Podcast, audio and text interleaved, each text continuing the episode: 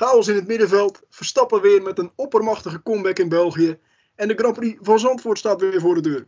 Dit is Studio Downforce.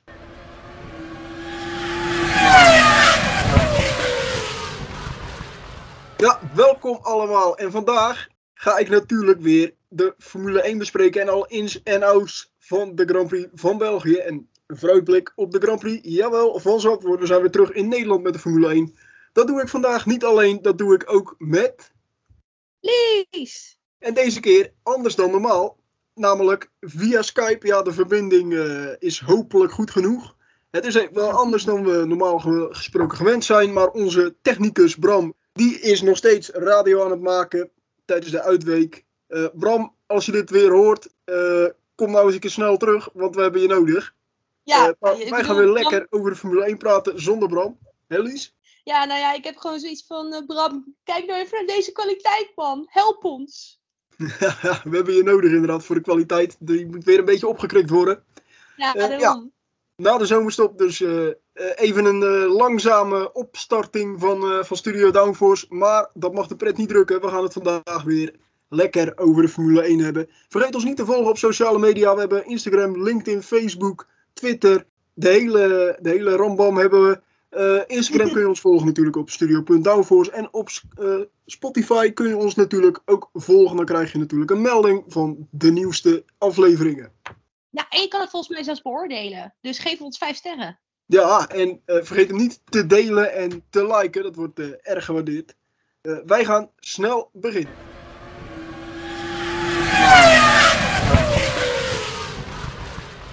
Ja, allereerst gaan we het vandaag hebben over de terugblik op de Grand Prix van België. We gaan het ook hebben over de Grindbak Talks natuurlijk weer, die rubriek. En we hebben natuurlijk de roddelrubriek, het geruchtencircuit. Uh, als allerlaatste gaan we nog even naar de voorspellingen voor de volgende Grand Prix in Zandvoort. En een kleine vooruitblik op die race ook. Uh, allereerst, Lies, uh, welkom. En wat vond je nou van de race van de Grand Prix van België? Nou, ik was er, toevallig fysiek. En uh, dit, dit was natuurlijk één groot feest. Dit was echt wel uh, onwijs bijzonder. We stonden, waar stond ik? Ik stond net voorbij Les Combe en dan uh, voor de herpin. Oh, Daar stond ik. Dus het is um, super uitzicht uh, op alles.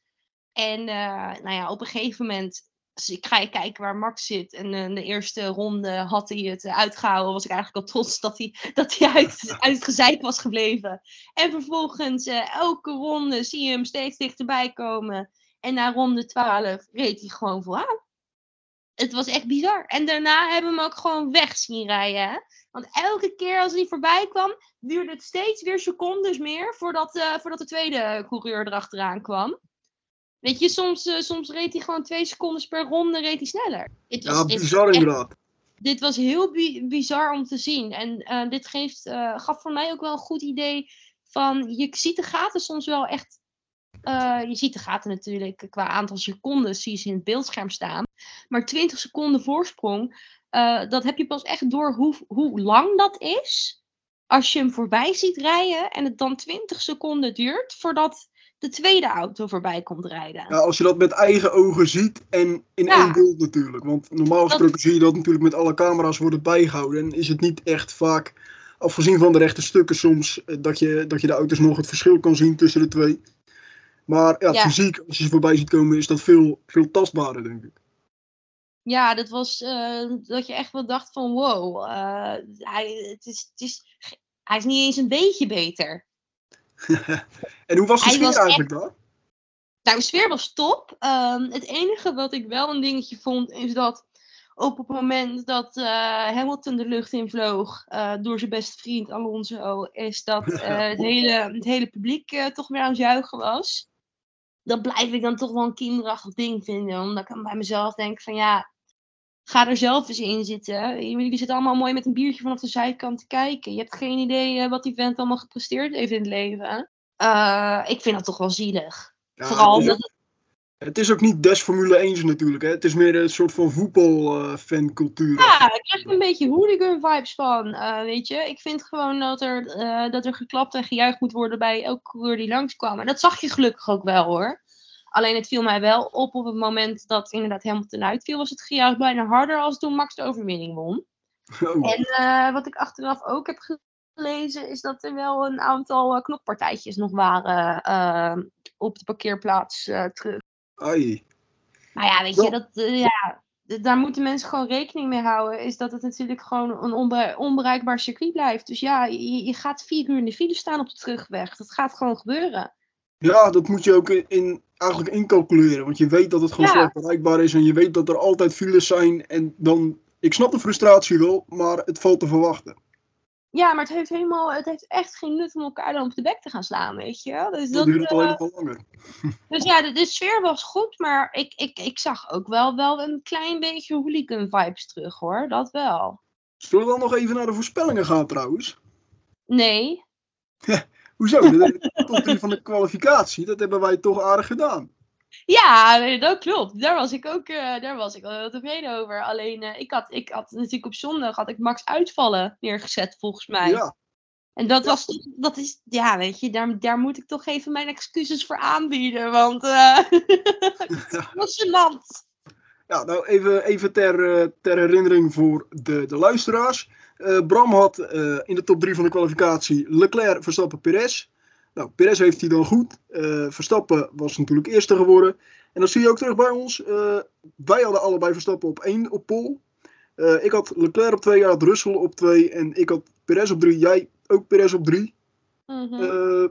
Dan hebben wij er twee goed uit mijn hoofd. ja, dat vind Perez en Verstappen. best wel heel netjes. Dus we lopen weer wat puntjes in op Bram.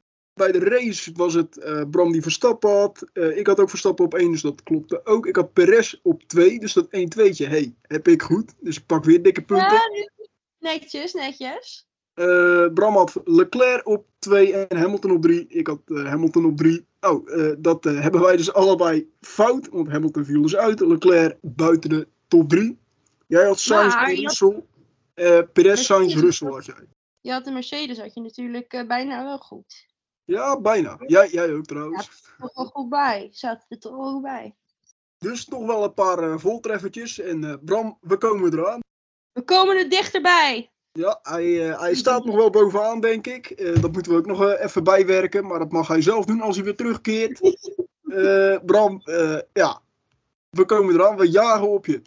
Dan gaan we nu nog even de race bespreken. Dat heb je net al een beetje gedaan natuurlijk, Lies. Maar nu gaan we even er Ja. dieper op in. Eh, jij hebt natuurlijk niet alles van de start mee kunnen krijgen, denk ik.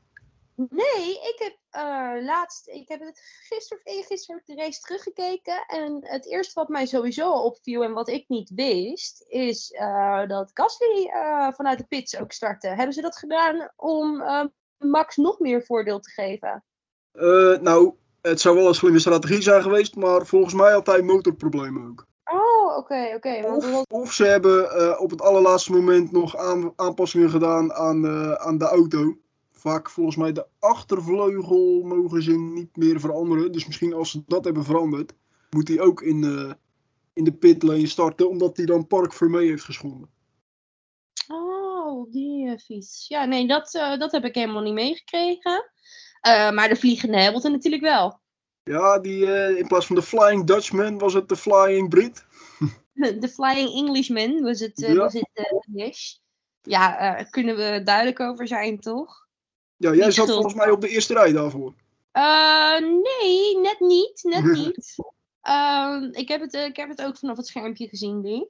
Oké. Ehm, maar wat wel duidelijk was, denk ik, is dat het toch wel Hamilton's fout was, toch? Ja, ik vind, ik vind het ook vooral, hij gaat buitenom. Tuurlijk, Alonso moet hem ruimte geven tegenwoordig. Buitenom moet de coureur dan, eh, eh, ja, degene die binnen, aan de binnenkant zit, moet ook ruimte geven aan de buitenkant.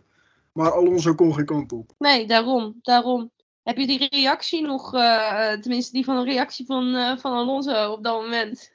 Ja, fantastisch. Dat is natuurlijk wel in the heat of the moment, maar ja. Ja, want eh, voor de luisteraars, Alonso zei eh, op een gegeven moment, op dat moment is dat hij tegen haar knalde, zei hij van, this guy only knows how to drive when he starts... Ja, he- ja, dat zei hij. En dat is juist een verwijt Ja. dat eh, bijvoorbeeld Vettel en Bottas ook hebben gekregen de laatste jaren. Ja, nee, ik, die vond ik wel heel erg wat. En, maar dat zijn natuurlijk sowieso geen vrienden van elkaar. Eh, Nee, dus Hamilton, toen Hamilton naar gevraagd was, uh, werd, zei hij ook van ja, I don't care, weet je wel, het boeit me niet wat hij zegt. Maar uh, dit was uh, zo waar een foutje van Hamilton en die zien we toch niet vaak hoor. Nee, precies, dat is wel opvallend. En ook gewoon, want normaal gesproken is hij juist degene die heel voorzichtig is in, in die eerste rondes en vooral in het aangaan van gevechten. Ja. En het leek toch wel alsof Mercedes een aardige auto had om in ieder geval richting het podium te kunnen gaan. Want je zag het ook bij Russell gebeuren. En ook ja. dat ze allebei een goede start hadden. Hamilton en Alonso. Volgens mij zaten ze allebei voor Perez. Klopt, klopt. Uh, nou ja, of ze echt een goede start hadden. Volgens mij had Perez volgens mij gewoon een slechte start. Ja, ja dat is het vooral. maar uh, dan uh, nog een akkefietje. Ik vond Bottas wel weer wel rete zielig. Ja, precies. Hij is jarig en dan hij moest, uit, hij moest uitwijken voor een uh, wilde Latifi volgens mij of zo. En uh, ja. was klaar. Ja, volgens mij was het Latifi die uh, de achterkant van de auto kwijtraakte. En toen Bottas eraf kegelde. En ook nog bijna Stroll meenam in de vriendbal. Ja, nee, ik, ja. ik, vond, ik vond het toch wel erg zielig. Ik heb wel naar hem gezwaaid toen hij in zijn autootje werd meegenomen. Want hij reed nog wel lang. Maar dat vond ik wel sneu. Op zijn verjaardag.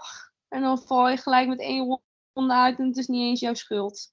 Het is ook vooral opvallend, want kijk, Williams had best wel een goede auto dit weekend. Dat zag je ook aan Albon. En dat die Latifi dan toch weer crasht, dat zal toch zijn krediet bij het team niet goed doen. Uh, en ik vind het wel echt geweldig, daar gaan we het zo meteen ook nog wel over hebben. Maar die Albon heeft toch een geweldig weekend gehad. ja, maar uh, die was al op P10 of zo uh, zaterdag. En toen zat Latifi ook P18 of achteraan. Dus uh, Latifi is gewoon inpakken en klaar aan het eind van het jaar.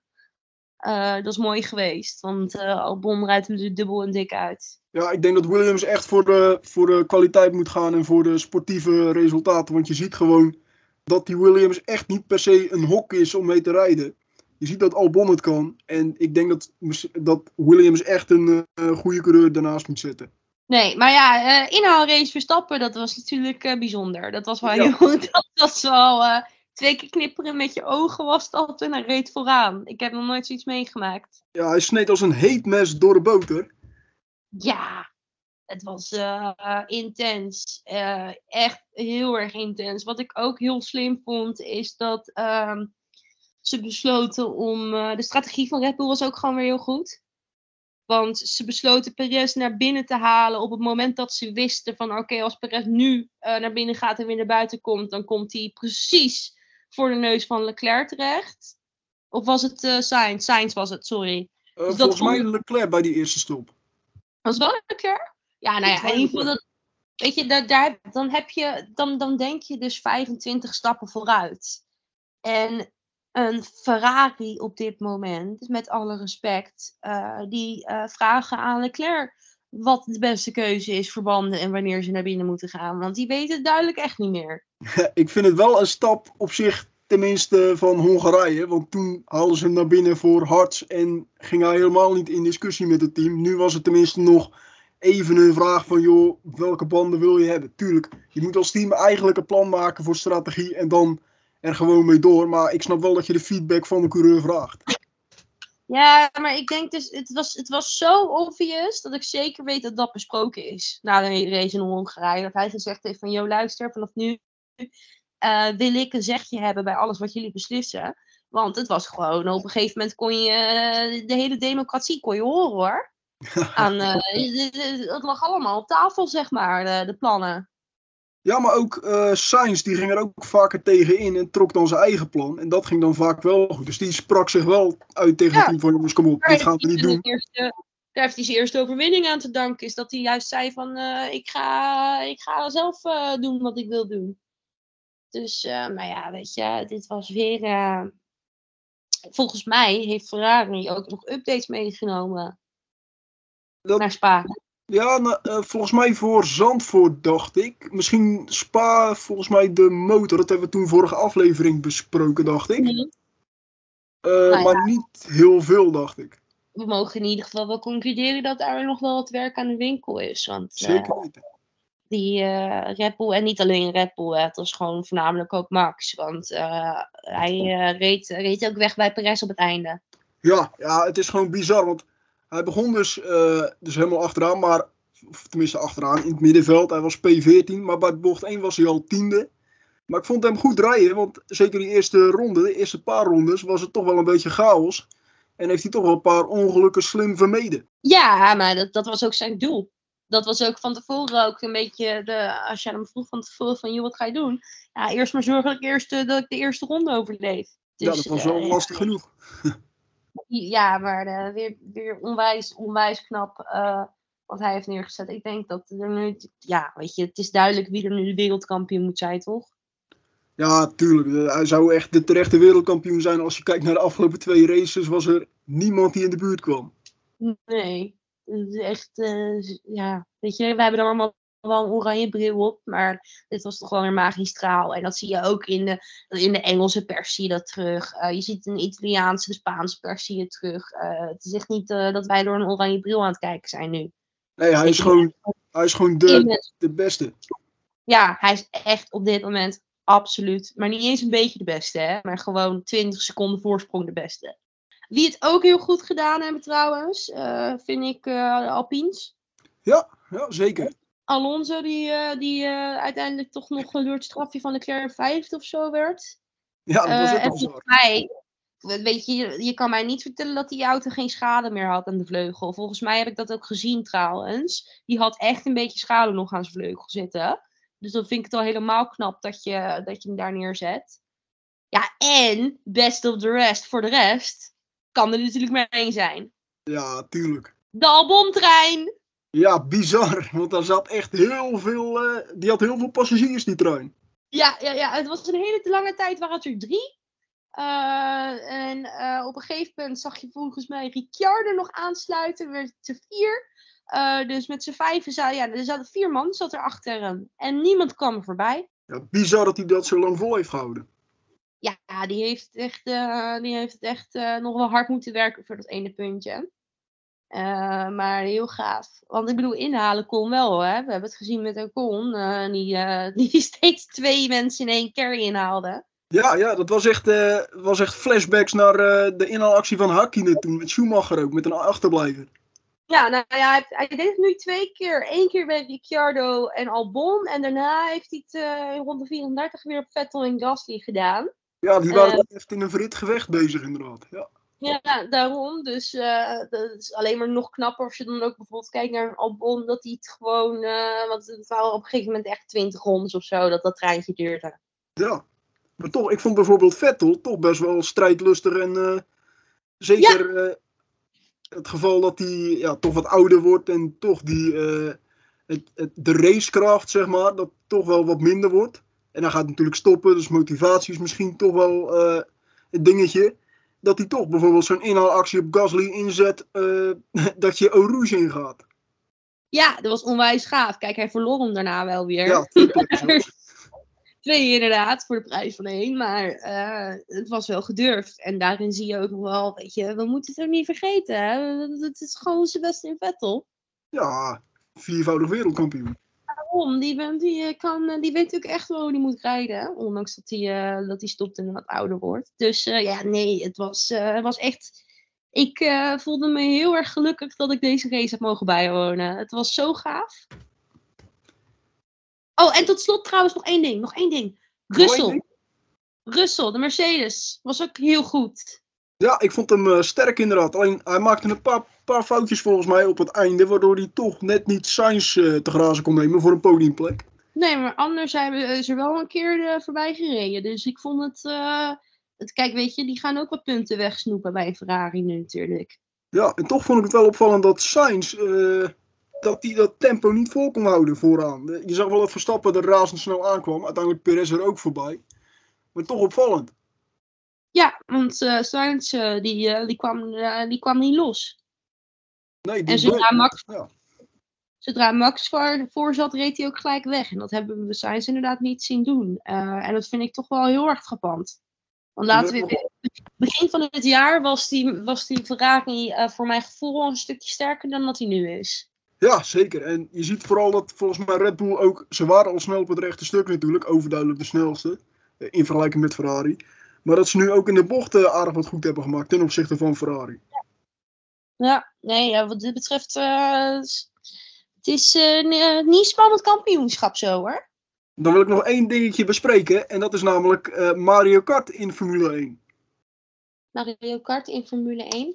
Ja, heb je het momentje nog gezien? Teruggekeken? Uh, Mario Kart momentje in Formule 1? Verstappen die gooide een, nou ja, een soort banaan. Oh! Leclerc die daardoor een stop moest maken. Want ja, bleek dat nou ook echt zo te zijn? Dat bleek ook echt zo te zijn. Want wat gebeurde er? Tijdens die eerste ronde uh, ging Stroll volgens mij door de grindbak. En uh, je zag dat Hamilton ja, die ging, die ging stoppen. Want die, die ging steeds langzamer. En het was duidelijk dat hij uit zou vallen. Het was levensgevaarlijk. Verstappen zat ja. daarachter. En door alle stof kon hij niet zo heel veel zien. Dus wat gebeurde er? Hij haalde de tear-off van zijn vizier af. Dat is een soort plasticje. Die kunnen ze er dan tijdens de race van afhalen. Hebben ze een paar volgens mij op die helm zitten. Uh, van dat soort dingen. Uh, zodat ze weer wat beter kunnen zien. Dat deed hij dus al tijdens de eerste ronde. En wie zat er achter Verstappen? Charles Leclerc. En Leclerc kreeg die tear-off van Verstappen vol in volgens mij een van zijn remmen. Waardoor de temperatuur zo hoog opliep dat er, uh, dat er helemaal rook uitkwam. En dat hij zei: Jongens, ik moet naar binnen, want volgens mij gaat het niet goed met mijn remmen.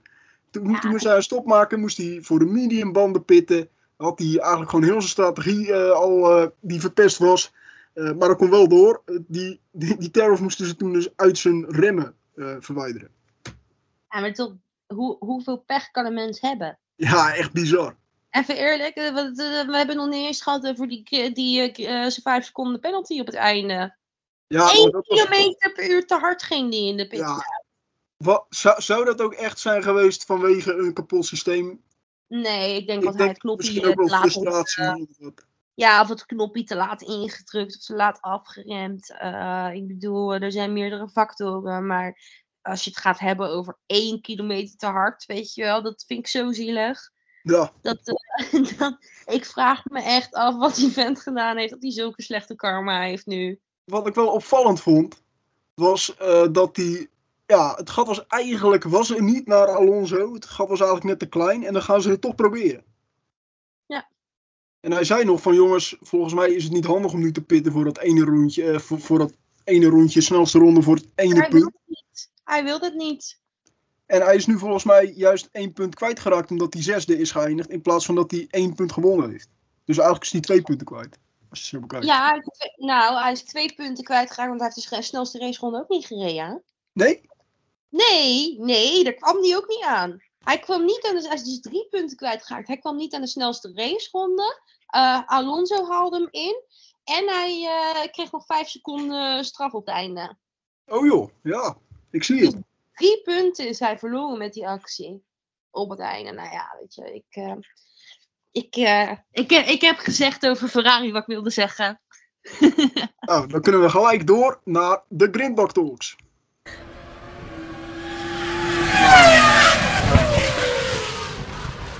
De Grindbak Talks, de stellingen, discussies en ja, verhitte discussies, die zijn er zeker. Die gaan we lekker bespreken weer. We hebben weer een paar stellingen. Uh, de eerste stelling gaan we maar gelijk met de deur naar huis vallen. De nieuwe porpoising-regels hebben effect. Uh, weet ik niet zo goed. Uh, want ik zie ze nog steeds af en toe best wel hard stuiteren. Maar dat is natuurlijk weer iets anders dan purposing. Dus ik, ik, ja, ik, ik, ik heb denk te weinig kennis om, om goed antwoord te geven op deze vraag, denk ik. Ik vond vooral Ferrari echt nog heel erg stuiteren. Ja, ik heb ze sowieso, dat ik echt een stuk heb je ze allemaal bijna wel weer zien stuiteren. Maar wat we ook al eens eerder wisten, is dat natuurlijk het stuiteren niet altijd gelijk zit aan wat purposen. Ja, precies. Dus dat, dat maakt het, vind ik, heel lastig inschatten of het nou um, verbeterd is of niet. Ja, misschien dat Ferrari, omdat ze die uh, plank minder, zeg maar, dat, dat ze die minder door mochten laten buigen. Die, die, uh, die marge is kleiner geworden, zeg maar. Dat, uh, dat die plank, zeg maar, de, de plekken dat de plank stijf moet zijn, die zijn groter geworden om dat stuiteren te verminderen. Ja om het porpoising te verminderen. Uh, en je ziet bij Ferrari dat ze heel erg aan het stuiteren zijn. Dat zag je in Spa terug. Uh, wat ik ja. wel opvallend vond, is dat Mercedes echt tijdens de kwalificatie 1,8 seconden langzamer was dan Verstappen.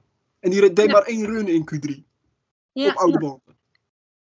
ja, ik weet het. Ik, eh, ik weet het. Maar dat rondje van Verstappen nogmaals was natuurlijk ook wel weer, de, wel weer iets, iets van een ander niveau. Ja, bizar. En ik, ik weet nog wel, volgens mij was dat Sebastian Vettel die zoiets ook deed in Abu Dhabi, dacht ik. In ieder geval, die deed dat toen ook in zijn Red Bull tijd. Heeft hij dat toen ook een keer gedaan. Gewoon die tweede run niet doen en gewoon al uit de auto stappen. Zo van, oké, weet je, die tijd gaan jullie nooit meer goed maken. Probeer het maar. Ja, maar het is ook niet gebeurd. Hij was volgens mij de enige 43er ook. Ja, het, is gewoon bizar, zo'n machtsvertoon. Dat je dat kan doen, weet je wel. Gewoon even van, ah, weet je wat, het boeit niet wat jullie gaan eh, proberen. Ik ben vandaag de snelste en je komt echt niet meer aan mijn tijd. Maar ben jij het eens of oneens met deze stelling? Ehm, ik ben het oneens, want je ziet ook geen verandering in de gaten of zo. Niet, niet, niet grote veranderingen van bijvoorbeeld Mercedes dat er heel veel dichter op zit. Of Ferrari dat dan heel erg wegvalt. Je ziet wel dat Red Bull er het minste last van lijkt te hebben nog steeds. Maar verder is er niet heel veel veranderd. Ver. Dan gaan we door naar de volgende stelling. De dominante overwinning van Red Bull is een one-off, mede veroorzaakt door de karakteristieken van het circuit van Spa-Francorchamps. Eh, ja, mede veroorzaakt wel, maar ik zou het, ik zou het niet, ik zou minder dan 50% geven hoor. Ja? Ja, ik denk dat het grote gedeelte eh, toch nog wel ten eerste is gewoon Max zelf. Daar zit een groot percentage. En eh, volgens mij heeft hij nu inmiddels ook wel een beetje kampioen eh, geluk. Ja, het geluk van de kampioen. Ja, ja, weet je, een, een, wie, wie verzint het nou? Hoe groot is nou die kans dat zijn Teerhof in de rem van Leclerc terechtkomt? Ja, dat is bizar. Dus eh, volgens mij, in tegenstelling tot voorgaande jaren, heeft hij nu wel een beetje het geluk aan zijn broek hangen. Gelukkig. maar ja, dus ligt hem natuurlijk ook goed. Eh, korte, korte, snelle bochten. ehm, ja, maar ik had hier een, een, een Leclerc ook verwacht dat hij hard zou gaan. Ja, je, je ziet wel dat Ferrari wat beter was in de bochten in ieder geval. We gaan in ieder geval in Zandvoort een beter beeld krijgen, denk ik. Want daar heb je echt veel meer bochten. Dus dan gaan Ja. we zien of dat gat echt zoveel groter is geworden tussen Red Bull en Ferrari. Wat nog wel een beetje een dingetje was, was natuurlijk dat eh, Red Bull misschien met een nieuwe monocoque zou gaan rijden. Dat is zeg maar de cel om de coureur heen. Dus eh, Mhm. de, de cockpit van de coureur en eigenlijk waar zijn beentjes zitten en net, er- net boven zijn hoofd, zeg maar. Die, die cel, als het ware, die zou dan lichter zijn geworden door een update. Maar eh, Christian Horner zei van, nee, update, daar hebben we helemaal nog niet mee gereden. Nee, nee, nee. Die, eh, en wanneer Nee, die dan komt, dat werd ook nog niet duidelijk. En dat zou weer 2 of zo schelen, geloof ik. Ja, En daar hebben ze inderdaad nog niet eens mee gereden. Ja, het is toch bizar. het is toch, eh, ja, heel bijzonder. Heel gaaf wel hoor. dan gaan we nog even naar de laatste stelling. Alpine gaat de strijd van best of the rest winnen achter de topteams. Eens.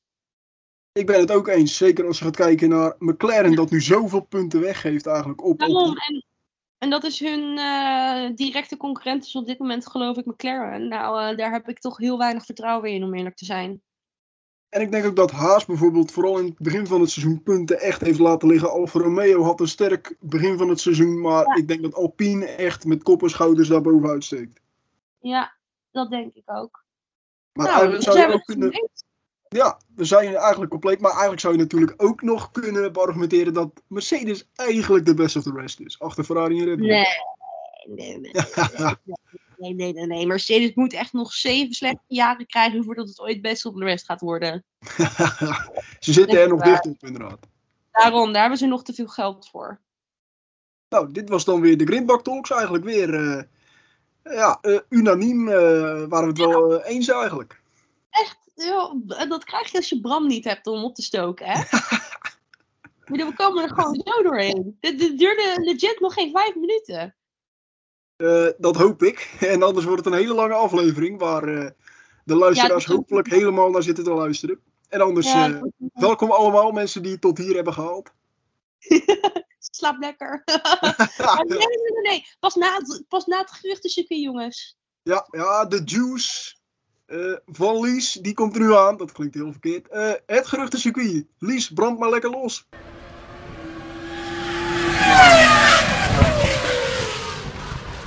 Nou, dames en heren, jongens en meisjes en alles erbuiten en ertussenin. Ik heb zo'n vol geruchtencircuitje. Het is echt bizar. Ik heb nog nooit zo'n vol geruchtencircuitje gezien. Dus we gaan snel beginnen. Um, het eerste ding uh, is recentelijk duidelijk geworden. Mick Schumacher is geen junior Ferrari driver meer. Zijn contract uh, zou aflopen, dat was al bekend, maar er is dus ook niet bijgetekend. En dat maakt het toch, ja, dat maakt het hele stoelendans gebeuren waar we nu in zitten, de silly season, maakt het allemaal nog interessanter. Want we hebben natuurlijk nog steeds de McLaren, de McLaren, ja, de, de Piastri Gate lopen, zo noemen ze dat nu. Piastri uh, wil graag naar McLaren waarschijnlijk, maar dat is nog steeds niet rond, uh, omdat Alpine beweert een contract te hebben met Piastri. Nou, daar komt nu een rechtszaak uh, voor. dat is bij het Contract Recognition Board. Dus echt een, een rechtszaak speciaal voor, men, ja, voor coureurs die ruzie hebben met hun teambazen over. Nou, je zou toch denken dat het niet vaak gebeurt, maar blijkbaar wel.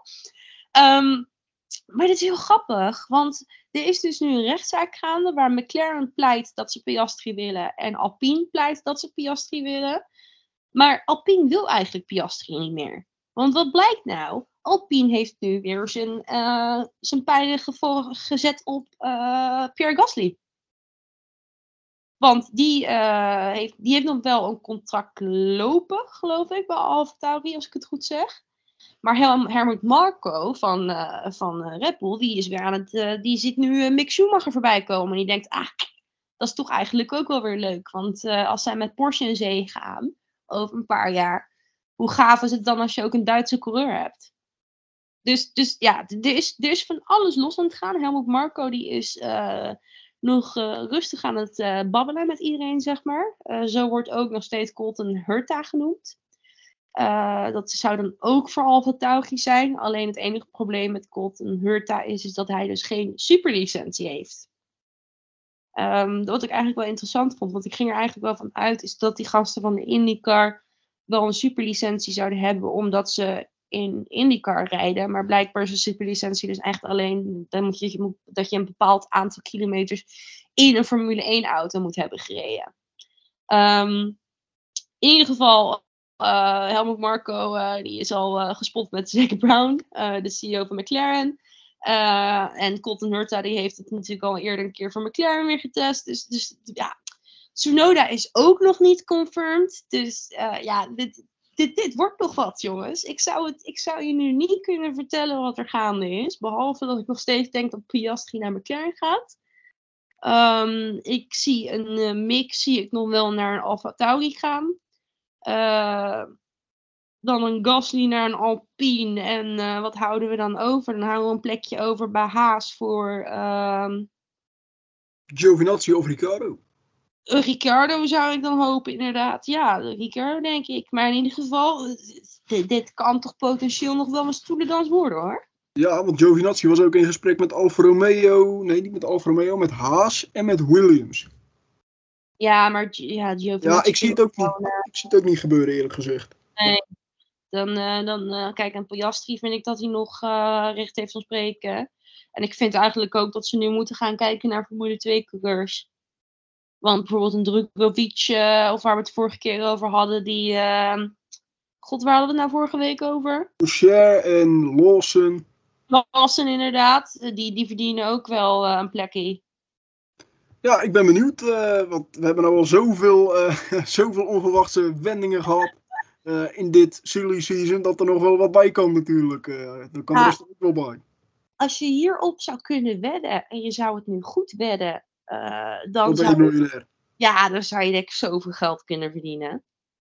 Ik denk dat zelfs op het stoeltje, het stoeltje van waar Piastri naartoe gaat, dat het me nog niet zou verbazen als dat ook McLaren niet blijkt te zijn. Weet je, op dit moment verbaast helemaal niks meer. meer. Maar uh, in ieder geval, de stoelendans is nog wel heel, veel, heel erg gaande. Ik was wel verbaasd dat, dat Mick toch geen uh, junior driver meer was. Ja, ik vind het opvallend van Ferrari ook. Want het is toch de Schumacher ja. naam. Die wil ze graag binnen hebben natuurlijk. Ja. Vanwege de historie die zijn vader daar heeft behaald. Michael Schumacher. Mick Schumacher. Toch wel die link. Eh, Ja. ja. opvallend dat Ferrari dan afscheid van hem neemt nadat ze zoveel in hem geïnvesteerd hebben. Vind ik ook. Maar ik denk dat ze misschien toch, ja, sorry Bram, maar dat ze nu toch wel een beetje denken van ja, zoveel talent heeft die dude niet. Ja, maar wie moet je dan eh, van, van de Ferrari eh, Junior Academy door laten stromen? Die, die aanwas is er ook niet echt. Nee, Ferrari heeft dat niet, hè? Ja, Giovinazzi, maar dat is geen talent Ja, meer en heeft het ook niet laten zien. Ferrari mist inderdaad eh, Ferrari Academy drivers. Ja, ze Ja. hebben Arthur Leclerc natuurlijk, maar Die vind ik ook nog niet zo, eh, nog niet zo spannend. Even kijken, Oliver Burman, dat is ook allemaal niet zo interessant. terwijl ze hebben natuurlijk daarvoor hadden ze echt, ze hadden Mick Schumacher, ze hadden Callum Islet die het echt goed deed in de Formule 2, was toen runner-up geworden achter eh, Mick Schumacher. Eh, en je had natuurlijk Robert Schwarzman. Oh ja, die hebben ze nog steeds. Ja, dat, die kan ook al rijden. Maar het zijn niet, ik ben het wel met je eens. Het, het is niet veel soeps wat hier tussen zit. Ja, die eh, put die droogt langzaam op. Ja, ik bedoel, eh, Maya Weug, die Nederlands zit er ook, eh, is ook een Ferrari Academy driver. En van het silly season dat blijft verbazen naar een volgend ding dat blijft verbazen. Het item namelijk, De Red Bull Porsche deal. jazeker. Ja, want dat schijnt, nou ja, wij dachten natuurlijk toen Porsche werd aangekondigd van dit, dit, dit, dit, dit, dit, is, re- dit is ready to go. Ja, ik dacht ook van, eh, ze zullen toch wel... Ik, ik vond het opvallend dat Audi dan dit weekend naar buiten kwam met Alfa Romeo. Oh ja, sorry, inderdaad. Met, met eh, Sauber. Tuurlijk, dat gaat dan twee- vanaf 2023, s- na 2023 moet ik zeggen eigenlijk, eh, gaat Alfa Romeo stoppen als titelsponsor van Sauber. En vanaf 2026 gaat Audi in de Formule 1 als motorleverancier. En dat zou dan voor Sauber moeten worden. Ja, nou ja, toen zij het aankondigden, de- t- kondigde, dacht ik gelijk van, nou ja, oké, dan gaat Porsche ook. Ja, dat, dat dacht ik dus ook. Maar aan de andere kant dacht ik daarna, ja, wat heeft het voor nut als je twee, eh, twee, twee dingen tegelijkertijd gaat, eh, gaat, naar, naar buiten gaat brengen? Dan hou je toch een beetje eh, de, de, de spotlight zeg maar, van, van elkaar af. Ja, klopt. Daarom denk ik dat ze het nu ook nog niet gaan aankondigen. Maar er schijnt dus ook een soort van kink in de kabel te zijn. Is, eh, Red Bull wil niet dat Porsche weer te veel invloed krijgt. En Red Bull heeft nog de optie om eventueel naar eh, Honda te gaan. Want Honda die heeft ook weer een beetje spijt dat ze weg zijn gegaan. Ah, weet je, ik, ik vind ook van, je hebt ervoor gekozen om ermee te stoppen.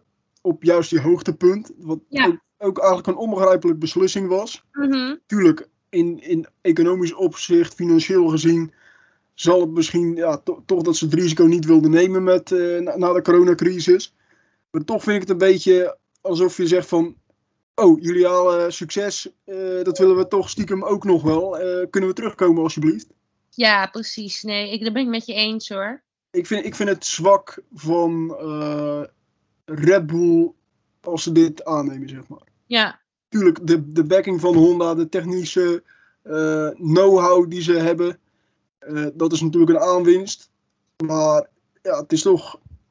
Ik, ik, ik vind het eh, ja, toch, toch opmerkelijk dat Honda toch die ommezwaai heeft. En ook gewoon, ge- gewoon gelijk nadat ze dus eigenlijk net een jaar officieel uit Formule 1 zijn. Niet eens. ja, nee, precies. Nee, helemaal eens. Helemaal eens. Maar ja, Honda die, kan, die, die, die wil dus in 2026 misschien weer motoren leveren als de voorwaarden goed zijn. En de partner. Eh, de Japanners die hebben natuurlijk zelf eventueel natuurlijk eh, Williams als alternatief. En die hebben natuurlijk ook historie vroeger. Oh ja. Je had natuurlijk McLaren eh, Honda, maar je had volgens mij toen ook Williams Honda. Als ik, ik, moet het even, ik wil het even goed, goed zeggen, want anders sta ik van lul.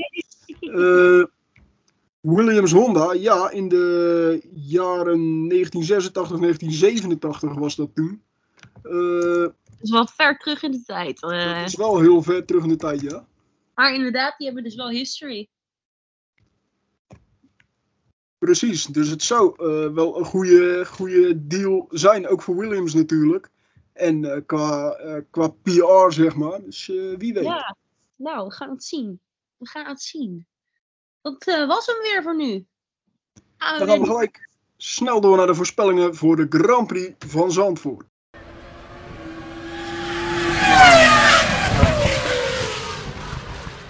we gaan snel door naar de Grand Prix van Zandvoort. Die staat namelijk weer op het programma. Jij bent er niet alleen bij, Lies. Uh, alleen de vrijdag. Alleen de vrijdag. Nou, ik ben er dus donderdag, vrijdag en zaterdag. Maar niet zondag. Tenminste, ik ben in de buurt, moet ik, moet ik zeggen. Want ik mag heen en weer rijden voor Ziggo Sport. Dat is wel heel vet. We gaan wel met de, ik verwacht wel een studio uh, downforce praatje van je. Ja, ik ga wel uh, mijn, mijn, podcast promoten, ja. Ja, precies. Onze podcast promoten. Uh, ja, precies. Dat moet wel gebeuren. Nee, maar vertel. Track review. Ja, de race van vorig jaar hebben we natuurlijk. dat staat nog in onze geheugens gegrift natuurlijk. Heel, heel veel oranje. Moment. Heel veel oranje. Een oranje wolk was er zelfs voor en na de race. Verstappen die ja, toch wel redelijk eenvoudig won. Ondanks dat er toch wel een momentje druk was van uh, de Mercedes'en. Uh, die natuurlijk weer Bottas als wingman en rijdende wegblokkade probeerden te gebruiken, maar dat mislukte. Perez met een inhaalrace. ja, eigenlijk een groot oranje feest, ondanks de coronamaatregelen toen. Ja. Maar dan gaan we nu even gauw naar de track review. Een korte track review deze keer. En dat begint natuurlijk de Formule 1 natuurlijk, die verhuist van België verder in de lage landen. We zijn weer terug in Zandvoort. Vorig jaar keerde de race dus terug op de Formule 1 kalender na een afwezigheid van meer dan 36 jaar. Eerst zou de race in 2020 plaatsvinden, maar dat ging niet door vanwege corona. In 2021 ging de race wel door, maar vanwege de coronamaatregelen waren er minder toeschouwers toegestaan. Ondanks dat was het een groot oranje feest met een eh, enorme oranje rookwolk, zoals ik al zei, die ontstond na het Verstappen als eerste over de finish kwam voor de overwinning. Dat zelfs de coureurs uh, die nog niet eens gefinished uh, waren, die zeiden van... Oh, Verstappen heeft zeker gewonnen. Ja, Verstappen Nu mogen er dit weekend ongeveer 110.000 bezoekers bij zijn per dag. In vergelijking met de 70.000 vorig jaar volgens mij per dag. Dus dat is weer een pluspunt voor niet alleen het circuit, de, de kaartverkoop, maar ook natuurlijk de, de omgeving eromheen natuurlijk, Zandvoort. Eh, de bekendste. Eh, oh nee, dan moet ik eerst, eerst even naar de oorsprong van het circuit.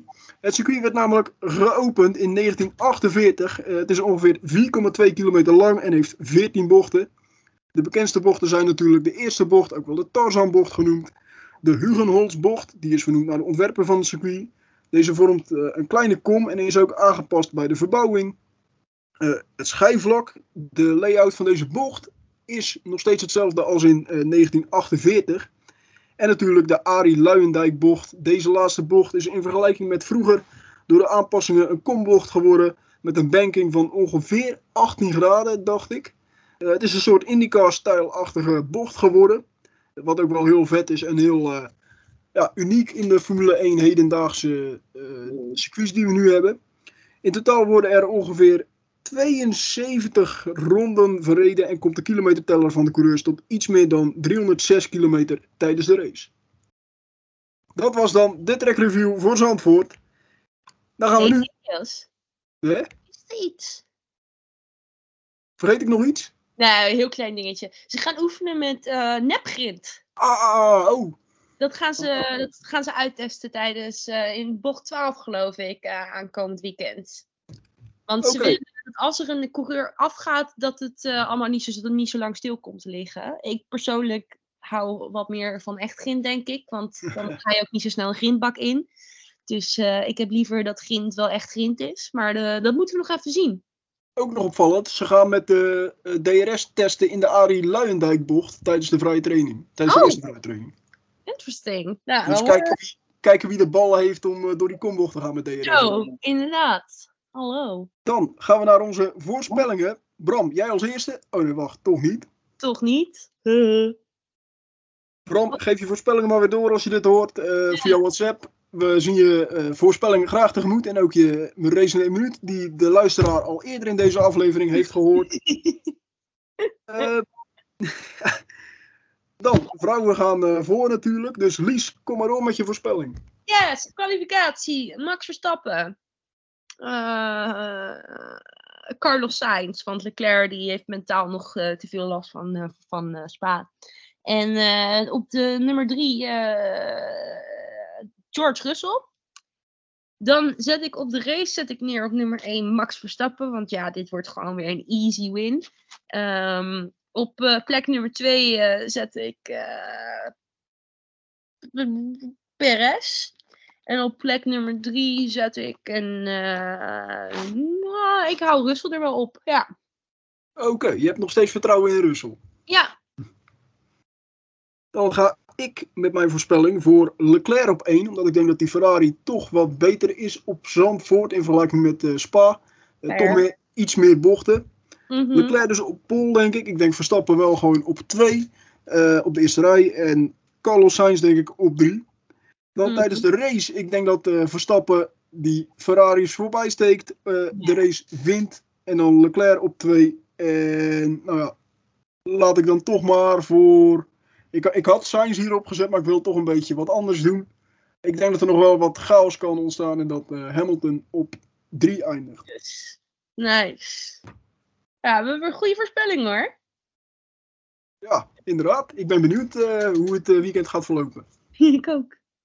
Dit was het dan weer voor deze aflevering. De 23e aflevering overigens van van Studio Downforce over de Grand Prix van België. Volgende week zijn we er hopelijk weer met een uh, nieuwe aflevering over de Grand Prix van Zandvoort. Vergeet ons niet te volgen op sociale media. We hebben LinkedIn, Twitter, Facebook hebben we ook. Volgens mij ben ik dat helemaal vergeten toe te voegen aan het begin van de aflevering. Facebook hebben we ook, maar dat is waarschijnlijk meer voor de oudere volgers die we hebben, als we die überhaupt hebben. Vergeet ons ook niet te volgen op Instagram, studio.downforce kun je ons volgen. Zie je allemaal leuke filmpjes, uh, reels zie je dan voorbij komen. Met promoties voor de nieuwe afleveringen. Uh, en wie weet wat er allemaal nog meer op komt. Uh, nog meer informatie, nog meer weetjes, nog meer nieuws over Formule 1. Wie weet, als dat lukt voor ons om dat voor elkaar te krijgen. ja, vergeet ons ook niet te volgen op Spotify. Dan krijg je de laatste afleveringen, de nieuwste aflevering krijg je dan binnen. Uh, met een meldingje. Vergeet ons niet uh, te volgen dus op die platform, platforms. Uh, delen van, van de podcast wordt natuurlijk erg gewaardeerd. En vergeet hem niet te luisteren en te liken. Dat wordt door ons drieën erg gewaardeerd. Ben je nu klaar? Ik ben nu klaar, ja. Oké, okay, nice. Tot de volgende aflevering van Studio Downforce.